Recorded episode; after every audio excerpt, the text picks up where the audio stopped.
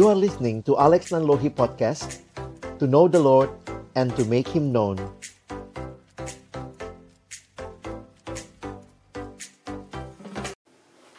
Mari bersama kita berdoa mohon pimpinan Tuhan sebelum kita membaca merenungkan firman-Nya. Kami akan membuka firman-Mu ya Tuhan, bukalah juga hati kami. Jadikanlah hati kami seperti tanah yang baik, supaya ketika benih firman-Mu ditaburkan boleh sungguh-sungguh berakar, bertumbuh, dan juga berbuah nyata di dalam kehidupan kami. Berkati hambamu yang menyampaikan semua kami yang mendengar. Tuhan tolonglah kami semua. Agar kami bukan hanya menjadi pendengar-pendengar firman yang setia. Tapi mampukan dengan kuasa. Dengan pertolongan dari rohmu yang kudus. Kami dimampukan menjadi pelaku-pelaku firmanmu Di dalam kehidupan kami. Bersabdalah ya Tuhan sebab kami umatmu sedia mendengarnya. Di dalam satu nama yang kudus, nama yang berkuasa, nama Tuhan kami Yesus Kristus, kami menyerahkan pemberitaan firman-Mu. Amin. Shalom, selamat malam Bapak-bapak yang dikasihi dalam Tuhan Yesus Kristus. Malam hari ini sama-sama di dalam kita memikirkan tema yang akan mendasari apa yang juga kita boleh pikirkan ke depan, melangkah maju dalam pengharapan. Di dalam situasi yang tidak mudah ini, masih dengan corona, COVID, dan segala dampaknya, kita juga sudah belajar melalui webinar yang lalu bagaimana ada hal-hal yang hilang, tetapi juga ada hal-hal yang kita temukan di dalam Tuhan melalui situasi yang tidak mudah ini. Kalau kita melihat semuanya masih serba online, dan ini adalah satu situasi yang sekali lagi tidak ada dari kita yang cukup expert dalam bidang uh, hal seperti ini. Awalnya corona hanyalah masalah kesehatan, tetapi telah berubah juga, bahkan menjadi dampak yang luas, termasuk bagi pekerjaan kita, menjadi masalah di dalam pekerjaan, masalah juga bagi pendidikan anak-anak kita yang harus bekerja atau belajar dari rumah dan juga bahkan masalah spiritual karena kita beribadah secara online. Karena itu firman Tuhan malam hari ini kiranya menolong kita juga boleh seperti tema kita, melangkah maju dalam pengharapan. Yeremia pasal yang ke-17 ayat 5 sampai ayat yang ke-8 akan menjadi ayat yang mendasari perenungan kita malam hari ini. Saya akan membacakannya bagi kita, Bapak Ibu, eh, Bapak-bapak sekalian ya. Kalau ada ibu mungkin di sampingnya boleh ikut juga akan membaca di dalam uh, hati masing-masing. Yeremia 17 ayat 5 sampai ayat yang ke-8. Beginilah firman Tuhan, Terkutuklah orang yang mengandalkan manusia, yang mengandalkan kekuatannya sendiri, dan yang hatinya menjauh daripada Tuhan. Ia akan seperti semak bulus di padang belantara, ia akan mengalami datangnya keadaan baik, ia akan tinggal di tanah angus di padang gurun, di negeri padang asing, asin yang tidak berpenduduk. Diberkatilah orang yang mengandalkan Tuhan, yang menaruh harapannya pada Tuhan. Ia akan seperti pohon yang ditanam di tepi air, yang merambatkan akar-akarnya ke tepi batang air, dan yang tidak mengalami datangnya panas terik, yang daunnya tetap hijau, yang tidak khawatir dalam tahun kering, dan yang tidak berhenti menghasilkan buah. Berbahagialah kita yang membaca firman Tuhan menyimpannya dalam hati kita, merenungkannya, melakukannya, serta juga membagikannya. Situasi yang dialami umat Israel ketika Nabi Yeremia menyampaikan nubuat Allah, bangsa Yehuda berada di dalam sebuah ancaman dari bangsa Babel. Bangsa Babel adalah bangsa adidaya atau yang superpower pada masa itu dan juga memiliki kekuatan militer yang sangat kuat sehingga menaklukkan banyak bangsa-bangsa di sekitarnya. dalam kondisi sulit yang dialami oleh bangsa Yehuda, mereka ini fakta yang menyedihkan sebagai umat Allah, mereka tidak datang kepada Allah. Mereka lebih memilih untuk mengandalkan kekuatan mereka sendiri. Jadi kalau kita melihat ayat-ayat yang baru saja kita baca, ini merupakan peringatan yang diberikan Tuhan kepada bangsa Yehuda pada saat itu. Dan ini juga yang mungkin perlu kita sama-sama pikirkan malam hari ini di tengah-tengah berbagai situasi yang kita alami saat ini sebagai umat Allah. Apakah sungguh kita terus sedang berharap dan bergantung kepada Tuhan? Atau jangan-jangan uh, perlu kita tanya lagi sama diri kita kepada setiap kita apa atau siapa yang biasanya kita percayai untuk menolong kita dalam menghadapi masa sulit. Apa atau siapa ini sering kali juga menjadi hal yang kita cari di dalam menghadapi masa sulit. Nah, di sinilah saya ingin mengajak kita sama-sama merenungkan bagian firman Tuhan yang baru saja kita baca, sehingga ketika kita akan melangkah maju setelah kita belajar semua dari apa yang kehilangan yang kita alami dan juga hal-hal yang justru Tuhan berikan untuk kita temukan, maka bagaimana kita akan melangkah maju? Jangan-jangan ternyata ada hal-hal yang begitu rupa masih mengikat kita sehingga mungkin kita sulit untuk melangkah maju seperti tema hari ini. Nah, di dalam bacaan yang kita sudah lihat tadi, maka ada dua bagian besar yang kita bisa lihat dari ayat-ayat yang disampaikan. Bagian pertama, ayat 5 dan ayat yang ke-6, di dalam bagian ini adalah mereka yang mengandalkan manusia. Jadi, yang diandalkan adalah dirinya, kekuatannya, atau juga bahkan orang lain yang ada di sekitarnya. Mari kita lihat ayat yang kelima terlebih dahulu. Ada dua bagian yang saya beri warna di sini. Yang pertama adalah Tuhan berkata, "Terkutuklah orang yang mengandalkan manusia." Dan yang berikutnya adalah hatinya menjauh daripada Tuhan. Nah, jika kita melihat mengapa dikatakan terkutuklah orang yang mengandalkan manusia.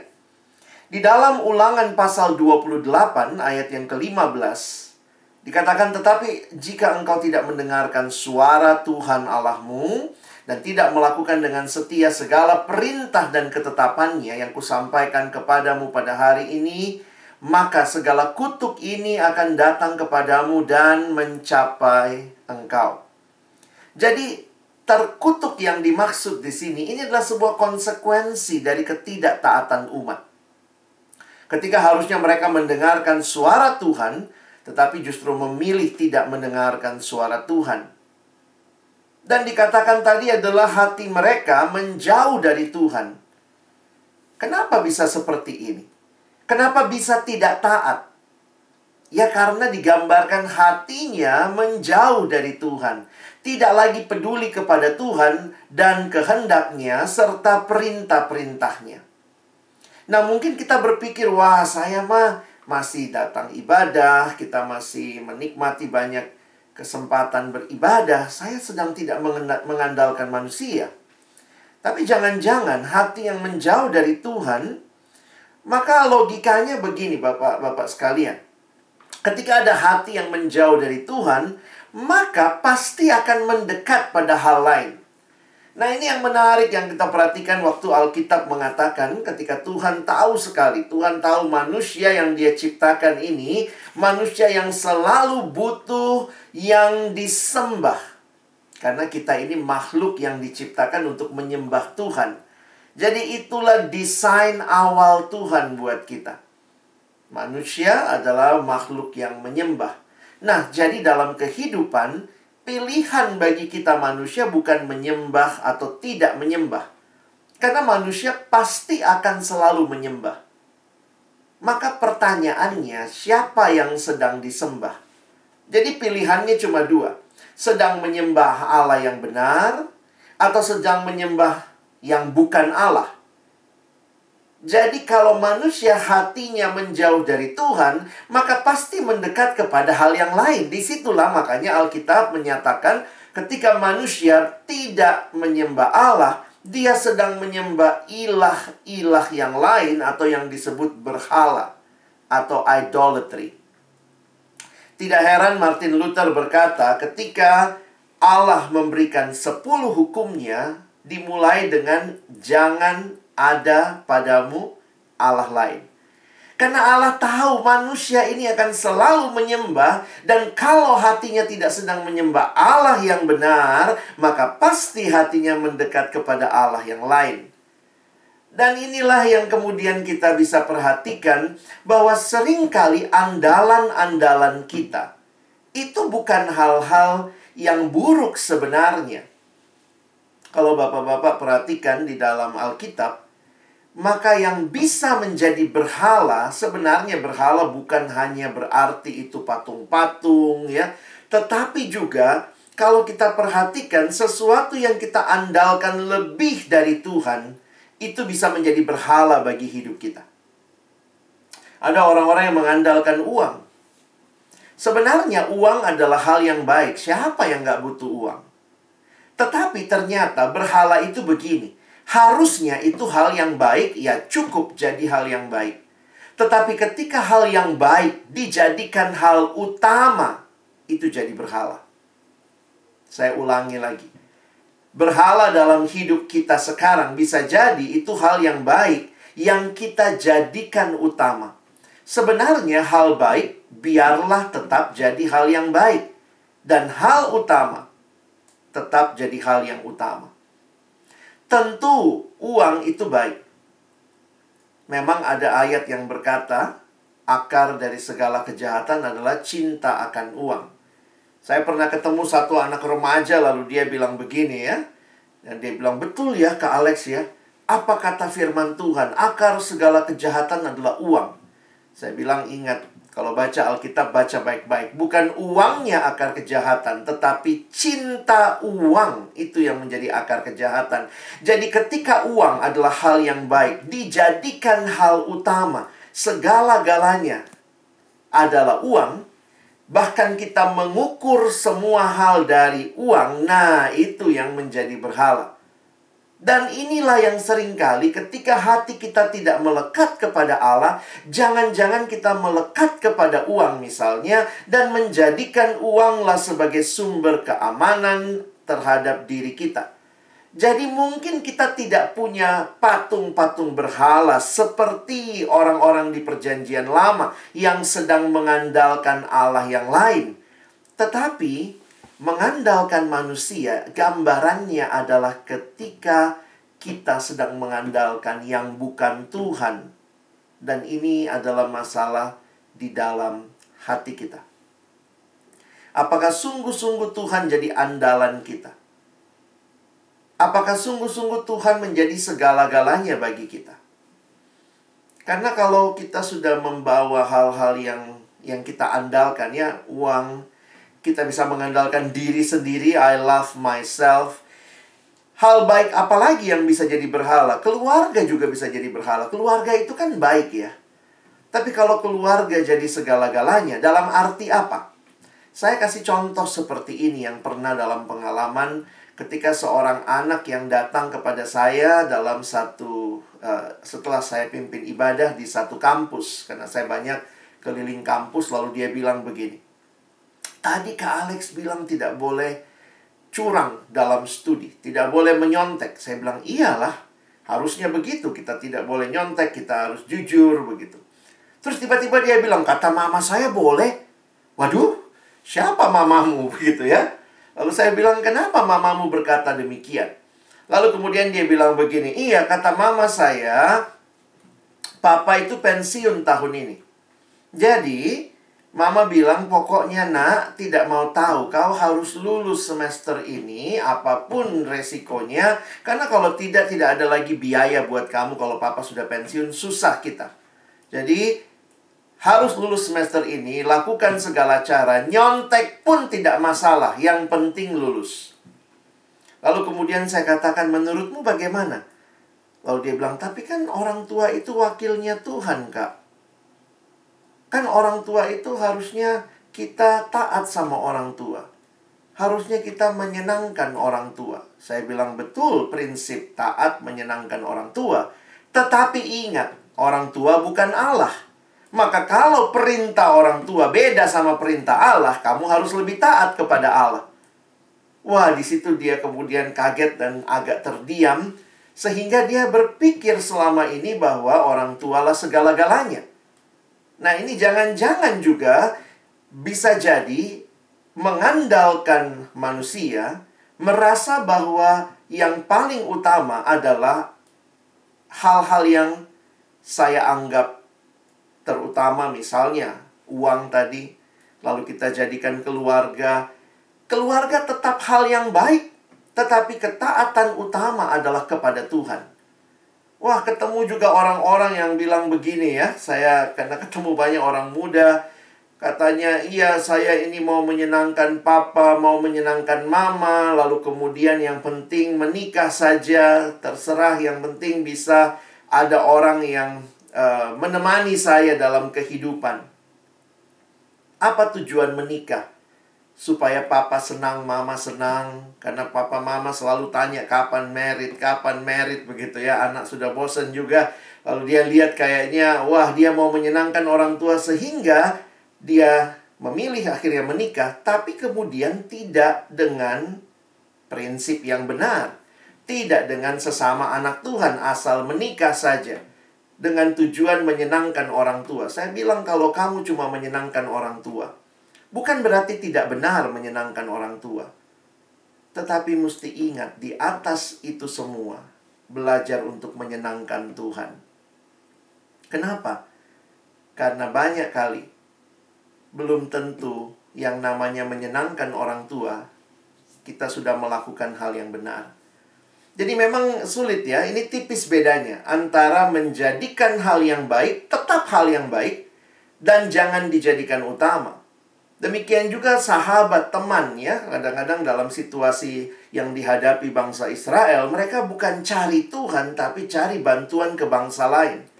Misalnya mereka cari ke Mesir, mereka cari ke Asyur. Kenapa? Karena memang kayaknya teman ini bisa diandalkan. Tetapi kemudian ketika mereka menjadikan teman itu seperti Tuhan, andalan yang utama, lalu kemudian merasa tidak membutuhkan Tuhan, Wah, hati-hati. Nah, ini realita-realita kehidupan. Apakah kita sudah mengandalkan Tuhan dan bukan mengandalkan manusia? Nah, ada banyak lagi contoh Bapak-bapak bisa berpikir lebih jauh. Bagaimana apakah selama ini saya sudah begitu mengandalkan diri saya, mengandalkan pemikiran saya, mengandalkan orang, yang mungkin kita rasa dialah penolong kita, Tuhan bisa pakai orang itu tolong kita dalam situasi sulit. Tapi ingat, orang itu bukan Tuhan. Sehingga dalam banyak hal kita harus tetap menjadikan Tuhan hal utama dan hal yang baik tetap hal yang baik.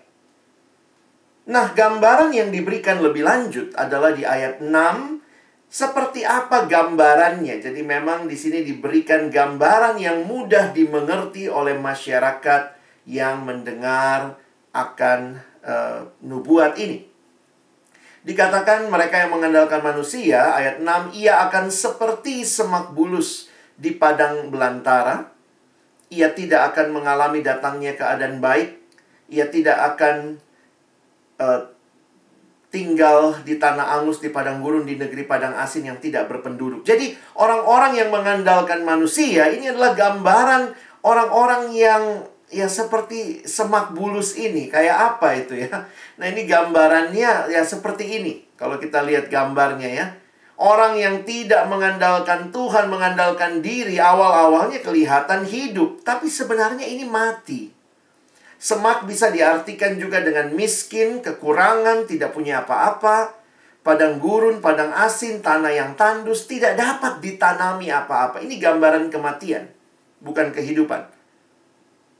Orang yang tidak mengandalkan Tuhan, orang yang tidak memiliki apa-apa, tidak menghasilkan apa pun, tidak menjadi berkat bagi siapa pun, dan dalam masa sulit mereka juga tidak menikmati, dikuatkan, dan disegarkan.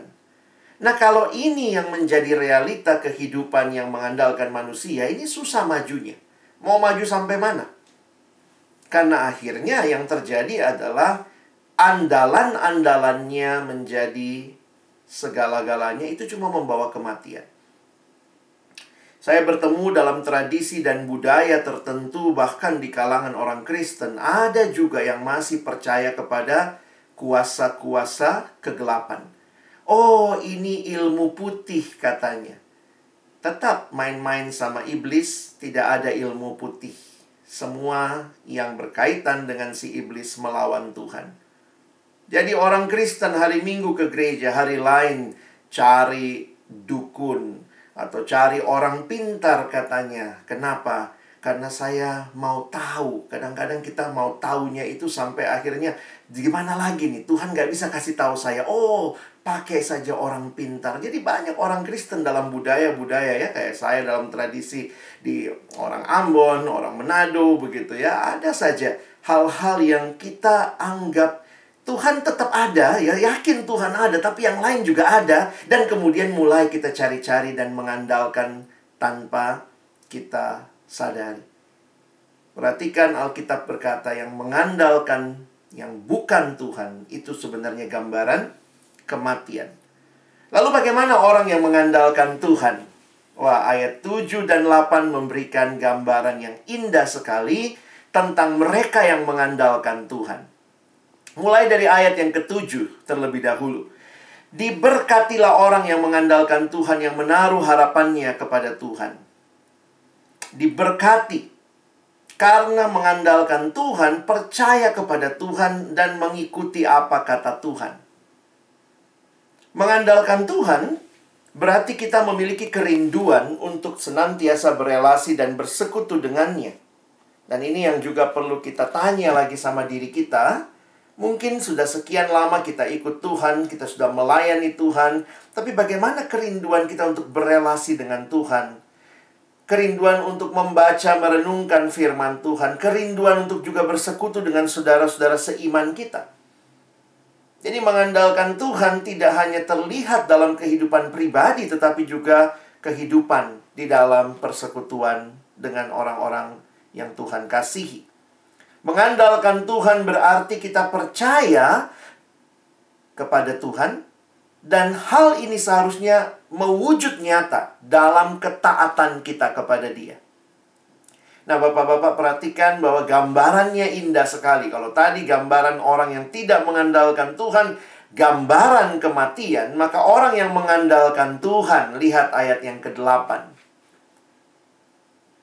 ia akan seperti pohon yang ditanam di tepi air, yang tidak mengalami datangnya panas terik, yang daunnya tetap hijau, yang tidak khawatir dalam tahun kering, yang tidak berhenti menghasilkan buah.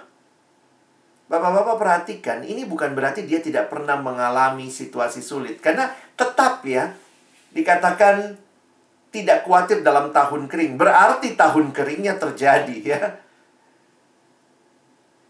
Inilah realitanya. Mengandalkan Tuhan adalah gambaran kehidupan. Berarti kita melekat dengan sang sumber kehidupan sebagaimana pohon yang ditanam di tepi aliran air. Bagi kita yang mungkin pernah datang ke Israel dan tahu kondisi mereka yang juga cukup tandus di beberapa tempat, melihat ada aliran air, ada pohon yang ditanam di tepi aliran air itu akan sangat menjadi gambaran yang luar biasa. Ini berarti pohon tersebut akan terus bertumbuh dan berakar dengan kuat. Nah, dan ini yang menarik.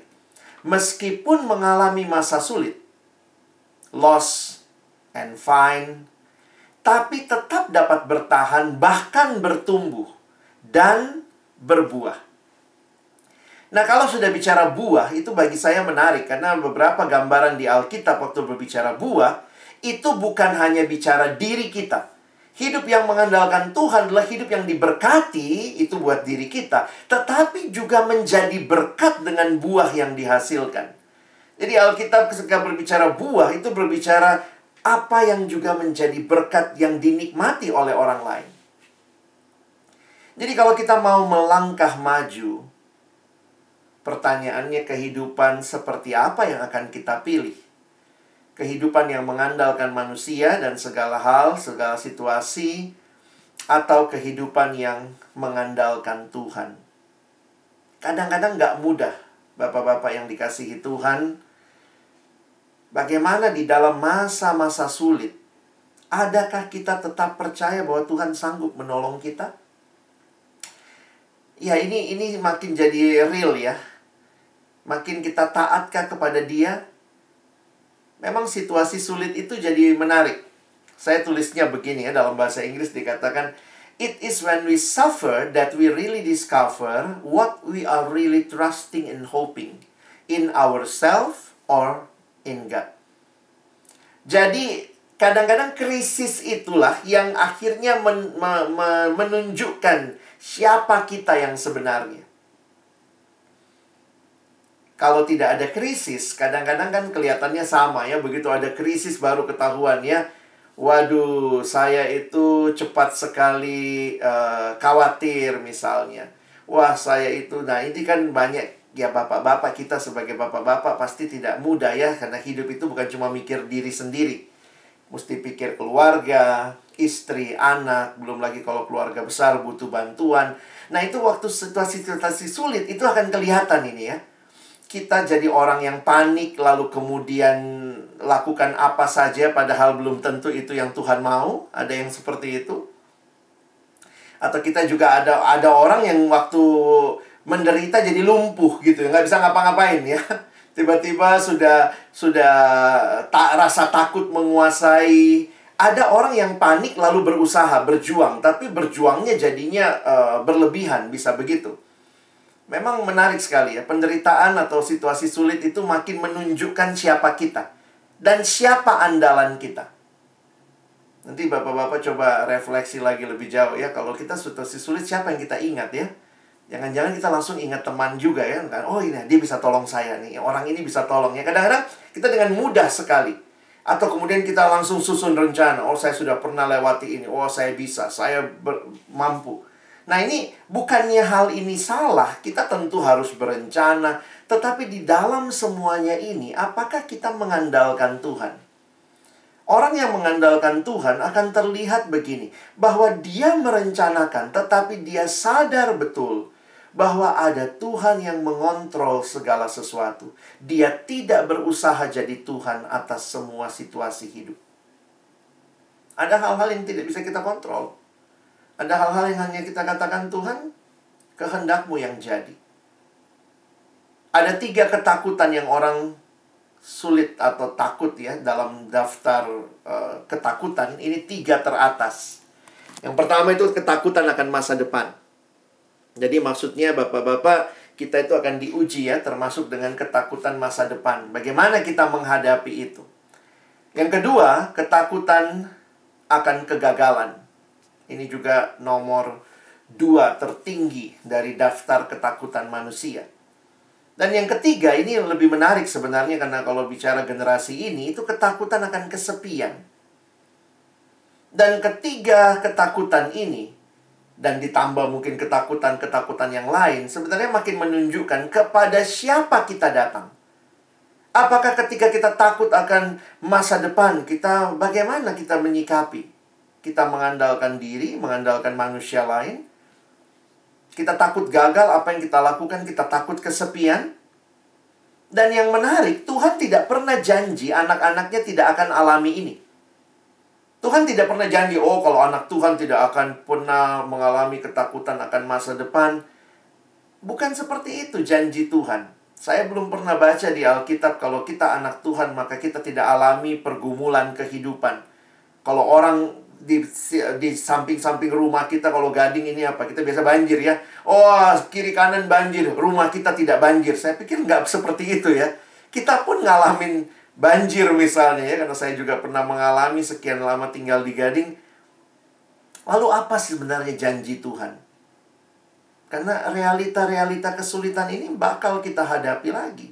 Tetap mungkin akan kita hadapi ke depan God never promises that we will never face struggles. Tuhan nggak pernah janji kita nggak alami pergumulan. Bukan itu janji Tuhan. Tuhan tidak pernah janji kita tidak akan alami persoalan. Tapi yang Tuhan janjikan adalah di tengah pergumulanmu, Aku berjalan bersamamu. Aku menyertai kamu. Jadi, apakah keindahan hidup? Indahnya hidup bukan karena tidak ada pergumulan. Indahnya hidup adalah ketika ada pergumulan yang paling sulit sekalipun. Yesus ada dan berjalan bersama kita. Di Perjanjian Baru, kita kenal Yesus. Siapakah Dia, Tuhan dan Juru Selamat kita? Ini bagian yang saya angkat sebagai bagian refleksi pengharapan kita di akhir dari perenungan ini. 1 Petrus 1 ayat 3 dikatakan terpujilah Allah dan Bapa Tuhan kita Yesus Kristus yang karena rahmatnya yang besar telah melahirkan kita kembali oleh kebangkitan Yesus Kristus dari antara orang mati. Nah, perhatikan, kepada suatu hidup yang penuh pengharapan. Kalau bapak-bapak mau masuk ke dalam hidup yang penuh pengharapan, maka kenal baik-baik siapa Yesus yang kebangkitannya itu membawa kita kepada sebuah hidup yang penuh pengharapan. Apa maksudnya? Ini saya lama mikir ya waktu dulu uh, berpikir tentang kenapa Yesus ini membawa pengharapan. Apa yang dia bawa? Pengharapan itu sebenarnya menarik ya. Pengharapan itu belum terjadi, tetapi itu menarik kita. Jadi contohnya begini, ada orang tua misalnya bilang sama anaknya nanti kalau kamu belajar baik-baik, naik kelas, nilai bagus, papa, mama ajak jalan-jalan pergi ke mana? Um, ya Singapura misalnya. Kita pergi ke Singapura, pergi ke uh, Universal Studio misalnya Singapura lah. Saya ya anggaplah seperti itu. Jadi sebenarnya itu belum terjadi. Nanti kalau nilai bagus semua kita pergi ke Singapura. Tetapi itu menarik orang ke depan. Ya, jadi pengharapan itu seperti itu. Belum terjadi tetapi kita yang hidup sekarang sudah mulai mengalami efeknya. Jadi bayangkan kalau anak itu lagi belajar, aduh sulit sekali ini PR, tapi kemudian dia ingat, wah bangkit lagi. Kenapa? Singapura. Singapura itu memberikan dia kekuatan, memberikan dia motivasi, memberikan dia pengharapan kalau bahasa kita dalam iman. Dan itu menarik dia untuk betul sekarang lagi sulit ini PR matematika tapi harus saya kerjakan, saya akan berjuang mungkin cari tahu, minta tolong orang. Tetapi saya ditarik oleh pengharapan bahwa saya pasti akan dibawa papa mama ke Singapura. Jadi pengharapan itu menarik sekali bahwa dalam situasi hidup yang sulit, pengharapan itu menarik kita ke depan, bukan menarik kita untuk ke belakang mundur atau bahkan stuck dalam situasi itu. Dan pengharapan itu karena kebangkitan Yesus. Jadi menarik Bapak Bapak sekalian ya, kebangkitan Yesus itu begini. Manusia cuma tahu hidup itu lahir, hidup, mati. Cuma itu siklusnya, lahir, hidup, mati, lahir, hidup, mati. Tetapi ketika Yesus bangkit. Kita diberikan sebuah pemahaman, pengharapan yang melampaui kematian. Kematian bukanlah terakhir.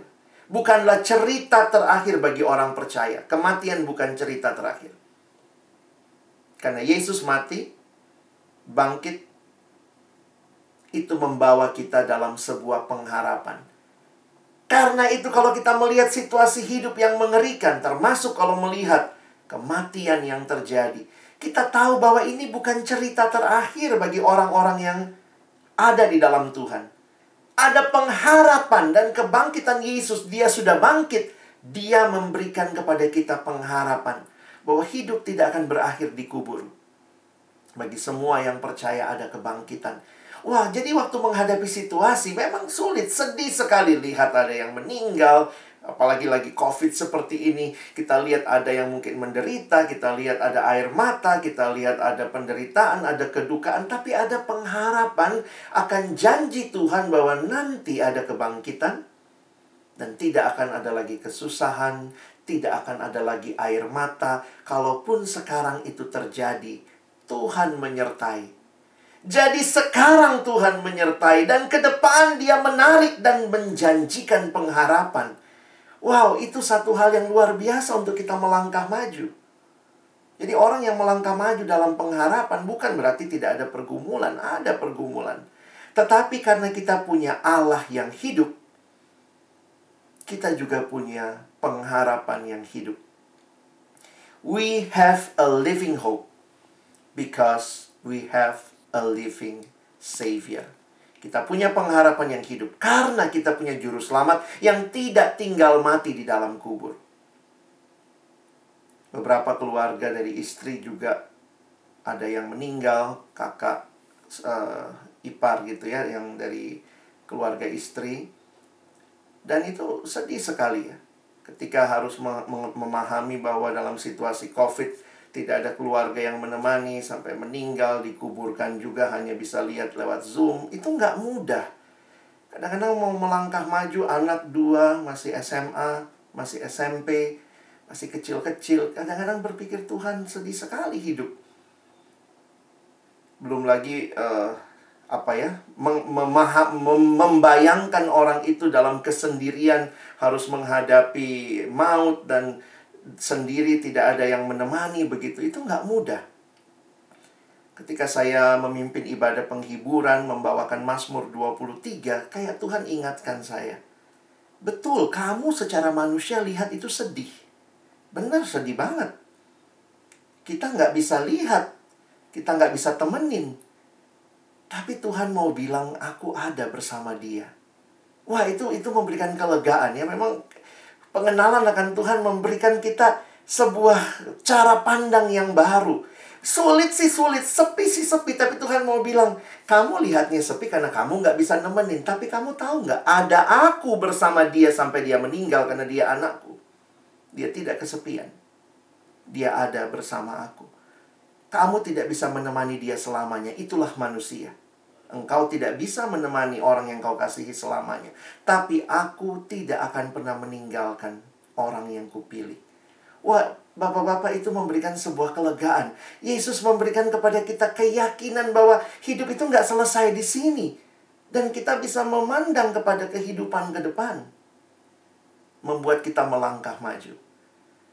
Karena itu, beberapa slide ini akan menutup khotbah malam hari ini.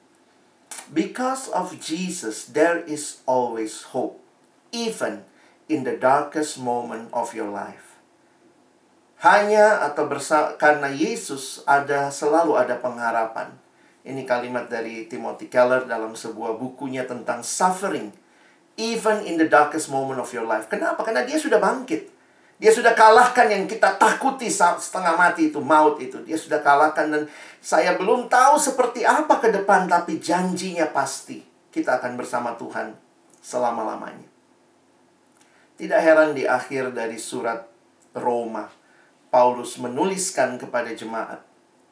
Ini salam yang dia tulis di Roma 15 ayat 13. Semoga Allah, sumber pengharapan, dia bukan cuma pengharapan, dia sumber. Memenuhi kamu dengan segala sukacita dan damai sejahtera dalam iman kamu supaya oleh kekuatan Roh Kudus kamu berlimpah-limpah. Ini bahasanya kalau bahasa sekarang exaggerating ya. Dia sumber pengharapan dan kamu akan berlimpah-limpah dalam pengharapan. Orang yang mengandalkan Tuhan, orang yang hidup di dalam Tuhan, Orang yang percaya pada Yesus yang bangkit selalu ada pengharapan. Karena itulah kita bisa melangkah maju. Bukan dengan kekuatan kita, tetapi dengan mengandalkan Tuhan. Amin. Mari bapak-bapak yang dikasihi Tuhan, kita meresponi firman ini. Pegang firman Tuhan selalu. Itulah kekuatan kehidupan kita. Mari sama-sama kita bernyanyi dari PKJ 255.